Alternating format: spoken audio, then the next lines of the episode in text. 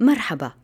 مع فريق الآن نقوم برصد أخبار الجماعات الجهادية وبشكل رئيس من خلال حساباتهم على التليجرام. نرصد الأخبار ونحاول أن نضعها في إطارها. ماذا تعني اليوم؟ كيف ترتبط؟ بما كان أمس؟ وكيف ستؤثر في أحداث الغد؟ أنا نهاد الجريري أهلا بكم. مرصد الجهادية بودكاست على راديو الآن.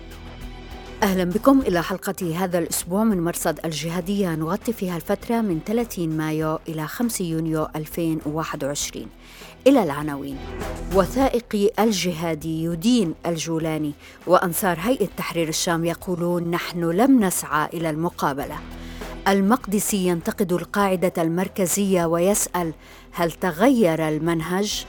تقرير أممي يقول إن ثمة توتر بين الجناحين السياسي والعسكري في طالبان حول السلام وتوزيع إيرادات المخدرات. ضيف الأسبوع حسام جزماتي الكاتب السوري للحديث عن الجولاني. جزماتي كان من أول من كشف عن الاسم الحقيقي للجولاني وتاريخ عائلته في دمشق. وبإمكانكم الرجوع إلى نص هذه الحلقة في أخبار الآن دوت نت. مرصد الجهادية. He waged jihad in Iraq and Syria, accused of terror and torture. إذا عرض وثائقي الجهادي The Jihadist الذي أعده الصحفي الأمريكي المخضرم مارتن سميث على PBS خدمة البث العام الأمريكية. الفيلم يختلف عن المقابلة التي نشرت PBS نصها كاملا. الفيلم يدين الجولاني وليس فيه تلميع سميث أضاف محتوى يتحدى إجابات الجولاني الذي حاول أن يبرئ نفسه من قتل الأبرياء. قتل كان للأبرياء كنا ضده يعني لست وحدي يعني. والأمريكيين ومن التعذيب. لا يوجد تعذيب يعني. هذا الشيء مرفوض تماما يعني. وربما كان مربط الفرس في الفيلم هو الدقيقة الأخيرة التي تحدث فيها السفير الأمريكي جيمس جيفري. جيفري كشف عن رسائل تلقاها من هيئة تحرير الشام تريد علاقة صداقة طبيعية مع أمريكا وقال إنه لم يناقش هذه الرسائل مع الإدارة الأمريكية معلقا. Why should I لماذا أضع نفسي في موقف صعب بأن أسعى لإسقاط شخص من قائمة الإرهاب؟ أنصار الهيئة دافعوا بأن سميث هو من طلب اللقاء وأن الجولاني لم يطلبه، أي أن الجولاني لم يسعى إلى المقابلة وبالتالي لم يسعى إلى التلميع بين قوسين وإيصال رسالة إلى الأمريكيين والغرب. مظهر الويس القيادي في الهيئة قال ولو لم ينجح اللقاء إلا في كسر العزلة وجعل العالم مضطرا للوقوف والاطلاع على قصة هذه الثورة أي الثورة السورية والاستماع من أهلها الحقيقيين لكفى بذلك. معارضو الهيئة بينوا التناقض في كلام الجولاني بين اليوم والأمس. اليوم يقول إنه لم ولن يهاجم الغرب وأمس يستنكر من يستجدي الغرب. نحن ليس لدينا سجون. هناك سجون عامة للإدارة التي تقوم على إشراف وفي المقابلة المشؤومة أنكر الجولاني وجود تعذيب في سجون الهيئة. لكن بلال عبد الكريم الصحفي الأمريكي الذي استقر في إدلب منذ سنوات اختار هذا التوقيت ليتحدث عن التعذيب من وحي تجربته. بلال اعتقل في أغسطس الماضي وأطلق سراحه في فبراير وفرض حظر عليه وعلى قناته أو جي إن. فترة انتهت الأسبوع الأخير من مايو. هذا الأسبوع خرج بلال إلى مناطق غصن الزيتون الخاضعة للجيش الوطني المدعوم تركيا. ومن هناك تحدث من حيث طردت تركيا الأكراد من عفرين وما حولها. مرصد الجهادية بودكاست على راديو الآن. ومما رشح عن فيلم الجولاني ما تعلق بعلاقته مع داعش والقاعدة ما تعلق بالبيعة لأحدهما أو كليهما أنصار القاعدة خاضوا في هذا للبرهان على خيانة الجولاني العهد والبيعة، لكن حقيقة انقلب السحر على السحر. نقل أنصار القاعدة قولا للظواهر فيه إن العقود والبيعات من الأمور العظيمة التي لا يجب التلاعب فيها، ويسألون أنصار الجولاني هل برأتم ذمتكم من قيادتكم التي بين أميرها أي الظواهر أنه لم يحللكم من البيعة وأنكم وقعتم في معصية لما أعلنتم انشقاقكم عن جماعتكم الأم أي القاعدة؟ وهنا نسأل أنصار القاعدة ما موقف القاعدة إذا من كلام شاهين المتحدث باسم طالبان عن عدم وجود بيعة بين طالبان والقاعدة؟ بنفس المنطق نسأل الأنصار أيضا. هل أحلكم طالبان من البيعة أم هم يتلاعبون بكم كما تلاعب الجولاني بأميركم؟ ومرة أخرى بحسب أنصار القاعدة فإن الجولاني خائن لأن القاعدة هي التي ثبتته في الشام. يقولون لو لم يوجد تنظيم القاعدة لبقي الجولاني في العراء والذي حماه من البقاء في العراء هو التصاقه بتنظيم القاعدة. ونقول هذا يكفي للبرهان على أن القاعدة والظواهري شخصيا مسؤولون عن كل ما يحدث في الشام اليوم أو على الأقل في إدلب. هم شركاء الجولاني وإن أعادوا النظر اليوم فهو لقصر نظرهم أصلا وليس ثمة جدوى من البراءة بعد أن وقعت الفأس بالرأس. مرصد الجهادية بودكاست على راديو الآن. نشرت القاعدة المركزية العدد 35 من نشرة النفير التوعوية التي خصصت للحدث الفلسطيني بعنوان من معركة سيف القدس إلى معركة المساجد. لم تختلف النشرة عن بيان القيادة العامة المنشور في 17 مايو بعنوان حب وإجلال ونصرة لأهلنا في فلسطين. في البيان مدح لقادة حماس العسكريين والسياسيين وكذلك في النشرة التوعوية النفير.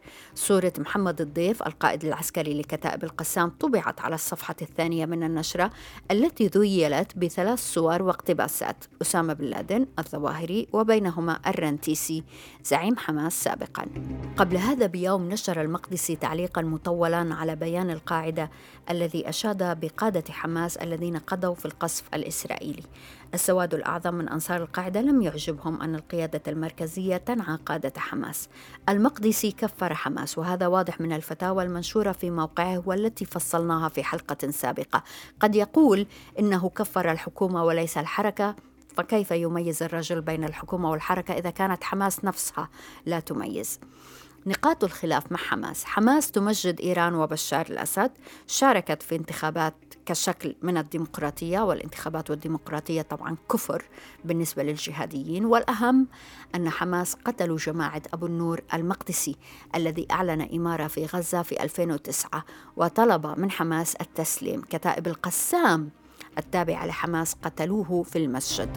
وهكذا فإن تعليق المقدسي مهم لأنه بكل بساطة يبرهن على هو تتسع بين القاعدة الأم والقواعد. عندما يسأل المقدسي هل تغير المنهج أم تسلل إلى صفوف القاعدة من لا يقيمون لنقاء المنهج اعتبارا؟ هذا سؤال خطير. يتابع المقدسي فخطأ القاعدة التي لا زالت تعلن تبني منهج التوحيد والجهاد ليس كخطأ بعض المشايخ والدعاة الذين تذبذب منهجهم فالمفروض أن القاعدة ما زالت تنكر على دعاة الإسلامقراطية وتبرأ من منهجهم فكيف تنعى موتاهم وتمجد قادتهم العسكريين؟ مع هذا التخبط يخرج بعض أنصار القاعدة بالتسليم بما تقوله القيادة المركزية لأنهم ببساطة يدركون الخطر الواقع هنا. كتب أحدهم إننا جنود لدى قاعدة الجهاد لهم منا السمع والطاعة في المنشط والمكره وألا ننازع الأمر أهله فهم سادتنا وقيادتنا وأعلم منا ومن الأدب ألا يتجاوز الجندي أميره. ويضيف هذا لا أدعو إلى قداسة الأفكار إنما لمراجعة الأمور فما تظنه غير صائب هو في رأسك. أنت بعيد عن الحقيقة بمجال. يوقع هذا بأنه لا يمثل إلا نفسه والحقيقة هذا موقف كثيرين ممن يبدأون كلامهم باسم رب القاعدة. وهنا نسأل أنصار القاعدة كيف يختلف هذا عن موقف علماء السلاطين مثلا الذين لا ينازعون الأمر أهله ولا يتجاوزون أمراءهم؟ إلى هذه الدرجة وصل التخبط في أوساط القاعدة. مرصد الجهادية. أصدرت الأمم المتحدة التقرير الثاني عشر المتعلق بتتبع نشاطات طالبان وأهم ما جاء فيه ملاحظات على أن عملية السلام الأفغانية لم تتطرق إلى قضية المخدرات في أفغانستان حيث تشكل أكبر مصدر دخل لطالبان. في 2020 وصل الدخل من الأفيون إلى 460 مليون دولار.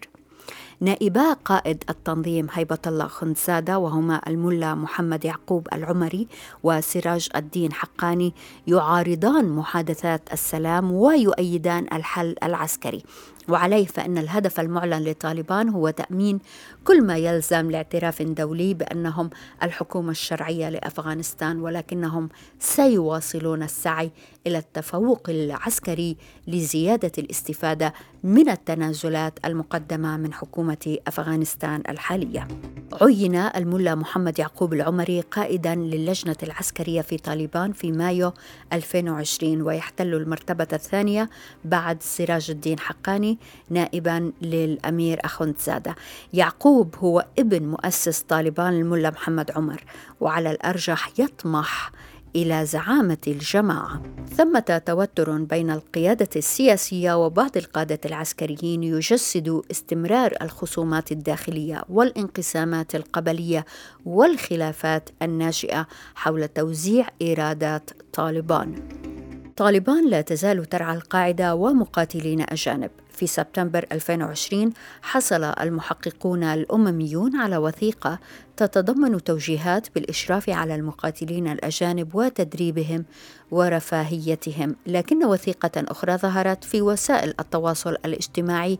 في فبراير 2021 تفرض حظرا على جميع هؤلاء. في الأثناء يقول التقرير إن مقاتلي حزب تركستان الإسلامي مثلا يتركزون اليوم في بدخشان شمال البلاد قرب الحدود مع تاجيكستان.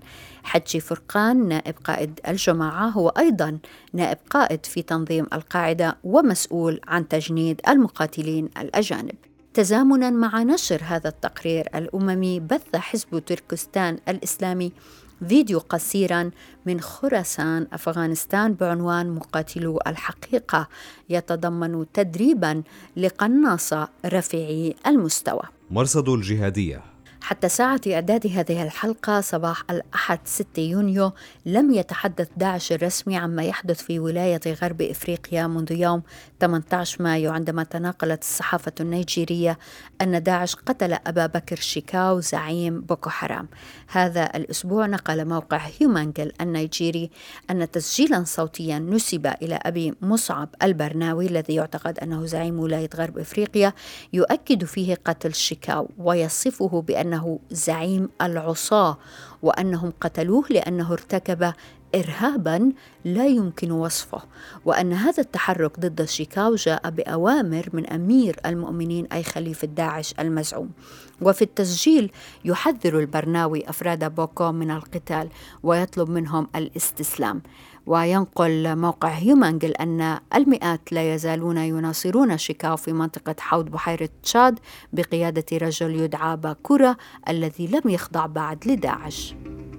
عرضت الحكومة الأمريكية جائزة قدرها سبعة ملايين دولار لمن يدلي بمعلومات عن أبي عبيد العنابي أمير القاعدة في المغرب الإسلامي. العنابي تولى الإمارة خلفا لدروكديل الذي قتلته فرنسا في يونيو 2020 مرصد الجهادية. بالعودة للحديث عن الفيلم الوثائقي ذا جهادست الجهادي عن الجولاني في إدلب نرحب بالأستاذ حسام جزماتي الكاتب السوري. شكرا جزيلا أستاذ حسام لوجودك معنا. سلامات سلامات أستاذ نهاد هلا سلامات هلا.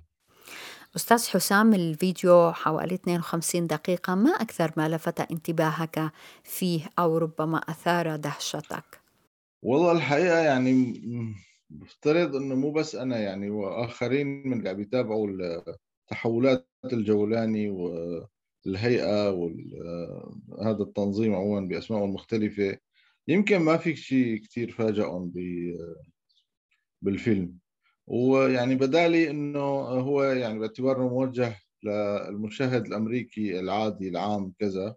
فبالنسبة لنا يعني معظم المعلومات الواردة هون. بنعرفها. وتحولات الجولاني باتجاه آه، التصالح مع العالم عبر مدخل الغرب يعني ك يعني كما بدأوا على المدخل الأمريكي. آه، بتخيل هذا يعني كثير ناس مراقبينه من فترة وما فاجئهم آه، ما قاله في المقاطع اللي طلع فيها من المقابله أستاذ حسام بدي أسألك عن آخر دقيقة تقريبا من الفيلم يقول السفير جيفري آه، أنه بما معناه غير معني بإخراج الجولاني من قائمة التصنيف الإرهابي هل أصبح الجولاني عبء على إدلب؟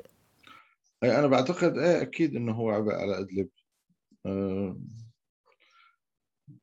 يعني عبء على إدلب من جهتين يعني الجهة اللي بفترض أنه أنت بتقصديها اللي هي إنه في تنظيم مصنف إرهاب يحكم هذه المدينة ويعني أجزاء واسعة من الريفه وفي تحت سيطرته يعني يمكن 3 ملايين إنسان. من جهة أخرى هو عبء على أدلب بطبيعة الحكم الذي يقوده من الجهات الأمنية باعتبار إنه سلطة الأمنيين بالتنظيم وفي الحياة العامة هناك هي السلطه رقم واحد. زائد بمواضيع الجباية ويعني تحصيل آه، من الناس اللي عموما يعني صار لها يعني عدد منيح من السنوات تعيش ظروف صعبة معروفة للجميع. آه، فتحصيل منهم آه، أموال بطرق مختلفة من الضرائب الزكاة المحاصصات من تحت الطاولة. يعني هذا كمان عبء على السكان وأنا بعتبره عبء مهم وهو يعني عامل أساسي بتذمر من حكم الجبهة. إضافة يعني إلى موضوع تدخل في الحريات العامة أحيانا و يعني آه، صحفيين أو يعني العمل الإعلامي أو شيء من هذا النوع. فأي أنا بعتبره عبء إجمالا. أما بشأن آه، خروجه من التصنيف هو كشخص أو التنظيم أنا أعتقد إنه هذا الشيء ما راح يصير. آه، في بعض الناس اللي عم تقترح هذا الشيء. آه، طبعا هو رغبة عند الجولاني. في بعض الباحثين أو الإعلاميين أو كذا عم بيقولوا إنه طيب درسوا إمكانية آه، هذا الشيء بالنظر إلى أنه خلص هذا الرجل أمر واقع في هذه المنطقة وعلى رأس هدول السكان سواء شاء منهم البعض أو أباء الكثيرين أو آه، الحقيقة هذا التيار بدون مبالغة يعني هو تيار صغير ضمن آه، آه، عدد أكبر من الباحثين والمراقبين ولا يلقى يعني هذه الآراء لا لا تلقى صدى جدي عند صانعي القرار. ومسألة هلأ نحن بجوز بنفكر خطأ وربما حتى الجولاني نفسه بفكر بهي الطريقة الخاطئة. إنه مسألة التصنيف هي مسألة سياسية محضة.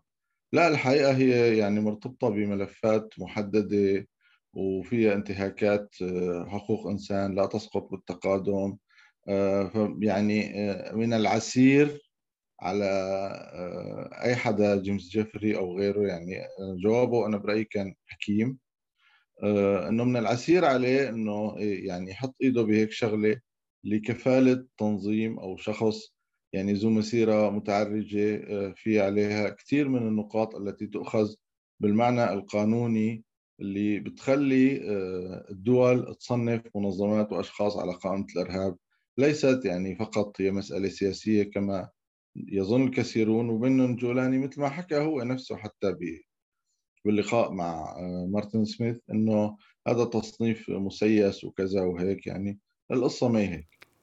لو بدنا نقرأ الجولاني هلأ أستاذ حسام واضح أنه أمريكا غير معنية بالاستجابة للجولاني. هل ممكن أنه يرجع سيرته الأولى معنا؟ ممكن أنه يعيد حراس الدين مثلا كورقة ضغط على المجتمع الدولي؟ تقديري لا. تقديري تحولات الجولاني غير عكوسة. لأسباب عديدة. السبب الأساسي برأيي أنه هي تحولاته الشخصية. أنا أعتقد أنه هذا الرجل آه، يعني فقد إيمانه بالسلفية الجهادية منذ وقت طويل.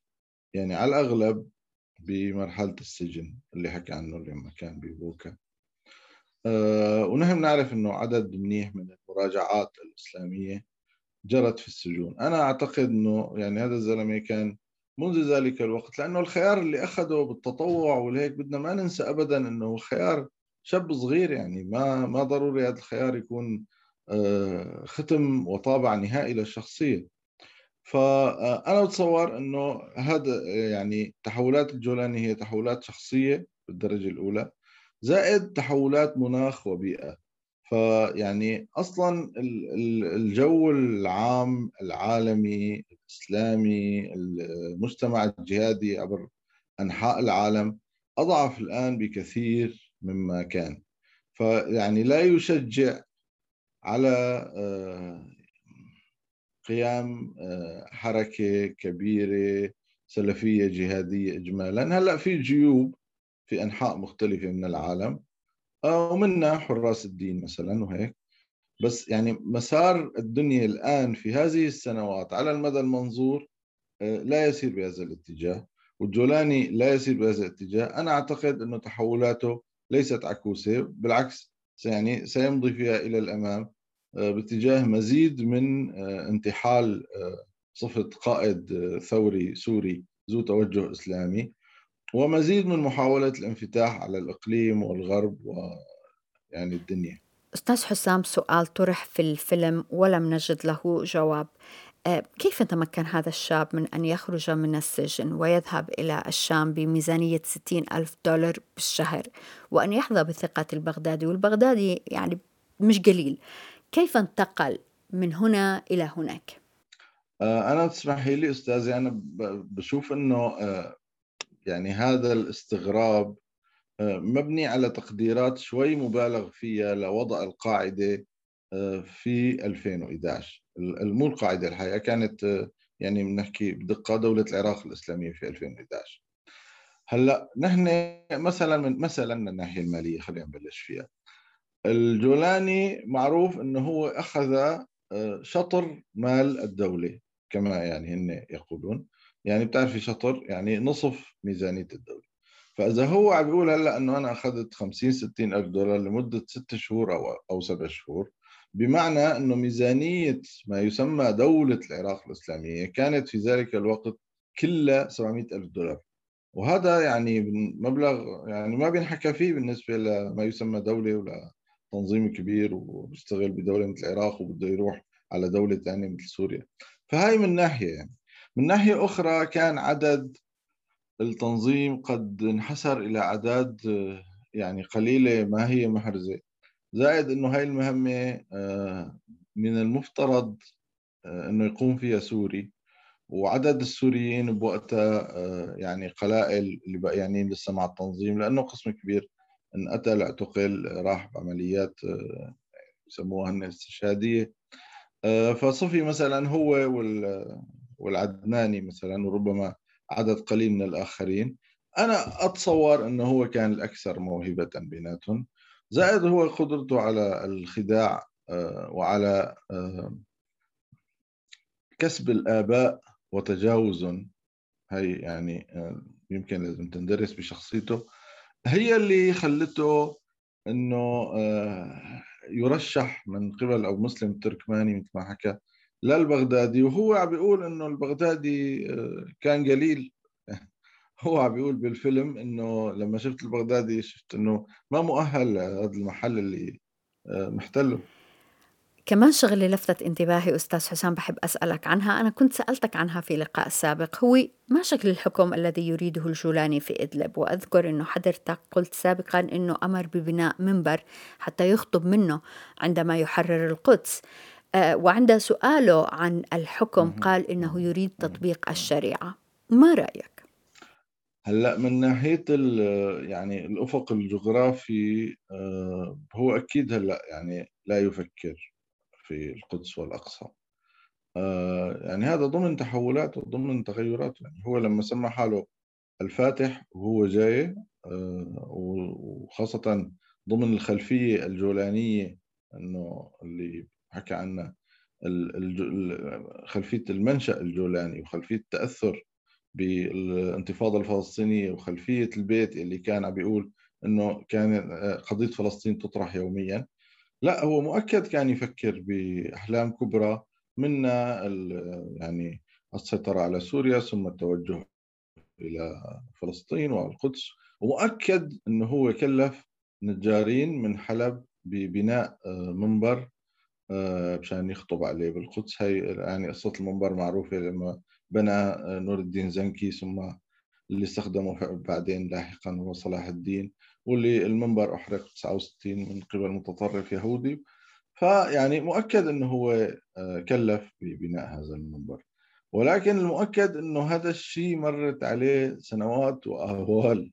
فهذا الرجل باعتبار براغماتي يعني شو معنى براغماتي يعني معناتها أنه هلأ لا ما بفكر هيك أبدا يعني. ما معقول هلأ يفكر هيك بمرحلة هو فيها يعني محاصر ب آه، يعني بلد صغير اللي هو إدلب وبده يلتقي بصحفي أمريكي وما معقول يقول إنه أنا عندي طموحات لسه خارج الدولة وخاصة تجاه إسرائيل يعني هذا الشيء. ما هو بسياق كل الهدف اللي اللي من اللقاء واللي الوضع اللي هو بيعمل بيعمله الآن. أما بشأن مضمون الحكم تحكيم الشريعة هذا كمان خاضع لمجموعة توازنات داخل الهيئة. آه، هو جمع هدول الناس أو جمعوا أو كذا على أساس تحكيم الشريعة. فما بيقدر هلأ يجي يقول إنه أنا يعني بدي أطالب بدولة مدنية ديمقراطية علمانيه يعني هذا ما في مجال له ابدا. يعني عنده ناس آه، متشددين آه، مؤثرين مثل وفتح فرغلي مثل غيره مثل كذا. ما بيقدر يتجاوز هاي المسائل يعني. بس ممكن هو يعني يبلش آه، يشتغل على إنه الحكم الإسلامي في له سويات في له اجتهادات مختلفة. تبلش تنحط الاجتهادات الألين محل الاجتهادات الأشد. يعني وبعدين بشوف شو بيصير معه. يعني كمان هذا البراغماتي هيك يعني إنه ما راح يعرف إنه بعد عشر سنين شو راح يحكي. أكيد. الأستاذ حسام جسماتي شكرا جزيلا أستاذ حسام لوجودك معنا. شكرا لك أستاذة. شكرا شكرا شكرا لكم. وشكرا جزيلا لوجودكم معنا في راديو وتلفزيون الآن. أنا نهاد الجريري مع السلامة. مرصد الجهادية بودكاست على راديو الآن.